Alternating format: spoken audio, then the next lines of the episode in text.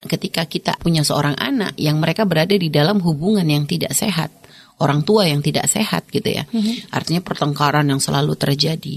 Jangan berpikir mengatakan ini demi anak aku bersabar. Enggak, bukan demi anak, itu demi hawa nafsumu. Kalau kamu berpikir demi anak nggak akan milih berantem. Kalau mikir demi anak bukan hanya sekedar bertahan dalam pernikahan. Tapi harusnya yang dipikirkan bagaimana menjadikan anakku ini tidak tersiksa psikologinya dengan pernikahan yang tidak sehat begini. Sekarang kebayang seorang seorang tua kadang bertahan dengan alasan anak tapi ternyata setiap hari dia merusak psikologinya anak dengan keributan, kasaran dan sebagainya. Seorang istri gak bisa menghormati suami, suami hmm. gak menghormati istri. Dan ini nampak di depan anak. Bagaimana dikatakan demi anak? Gak ada ini, udah sudah ego semua ini. Ini dengan bahasa anak hanya untuk mencari pembenaran diri. Kami pernah menemukan kasus gitu ya.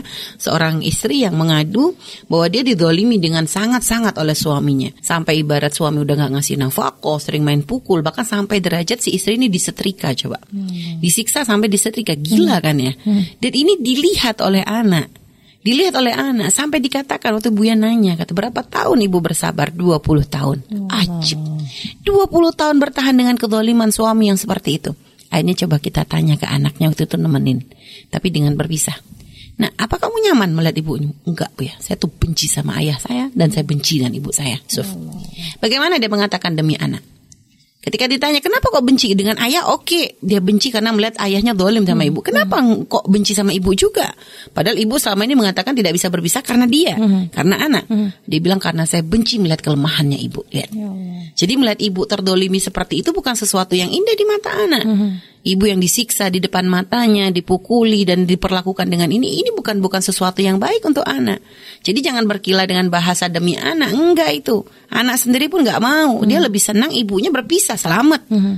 Jadi dia masih bisa punya jalan untuk menghormati ayahnya. Ya. Tapi kalau terus di matanya dilihatkan kedoliman ayah kepada ibunya atau melihat kedoliman ibu ke ayahnya, hmm. ini akhirnya menjadikan apa? Dia nggak bisa hormat ke ayahnya, nggak bisa hormat ke ibunya. Hmm. Rusak ini anak. Hmm. Jadi makanya uh, orang seorang suami istri jangan menjadikan anak tuh kambing hitam, hmm. jangan menjadikan menjadikan anak alasan yang kadang sebenarnya bukan. Ini bukan ini karena hanya biasanya banyak.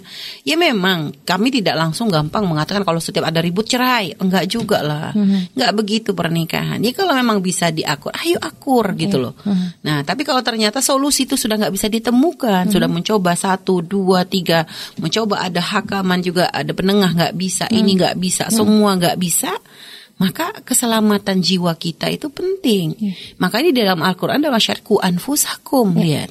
Ku anfusakum bahasanya bukan jaga orang lain dulu, jaga dirimu, hmm. jaga dirimu dulu. Artinya keselamatan diri kita ini penting. Hmm. Kita nggak akan bisa nolong orang lain kecuali diri kita selamat dulu. Hmm. Selalu kami sampaikan kadang dalam koidah kalau kita di pesawat gitu diajarkan. Bagi yang membawa anak gitu ya mm -hmm. kalau nanti ada udara tabung darah itu kan kalau ada yang dipakai yang pakai siapa? Ibunya dulu suruh make mm -hmm. orang yang gedenya dulu suruh make alat baru nanti nolong anaknya mm -hmm. lah sebenarnya itu kan prakteknya ku anfusakum wa ahlikum mm -hmm. selamatkan kuatkan diri kita dulu mm -hmm. tolong diri kita dulu baru mm -hmm. kita bisa nolong orang lain yeah. nah dalam hubungan yang tidak sehat hubungan suami istri pun begitu mm -hmm. jangan katakan kita akan bisa menolong anak kita kalau kita nolong diri kita aja nggak bisa kan hmm. gitu.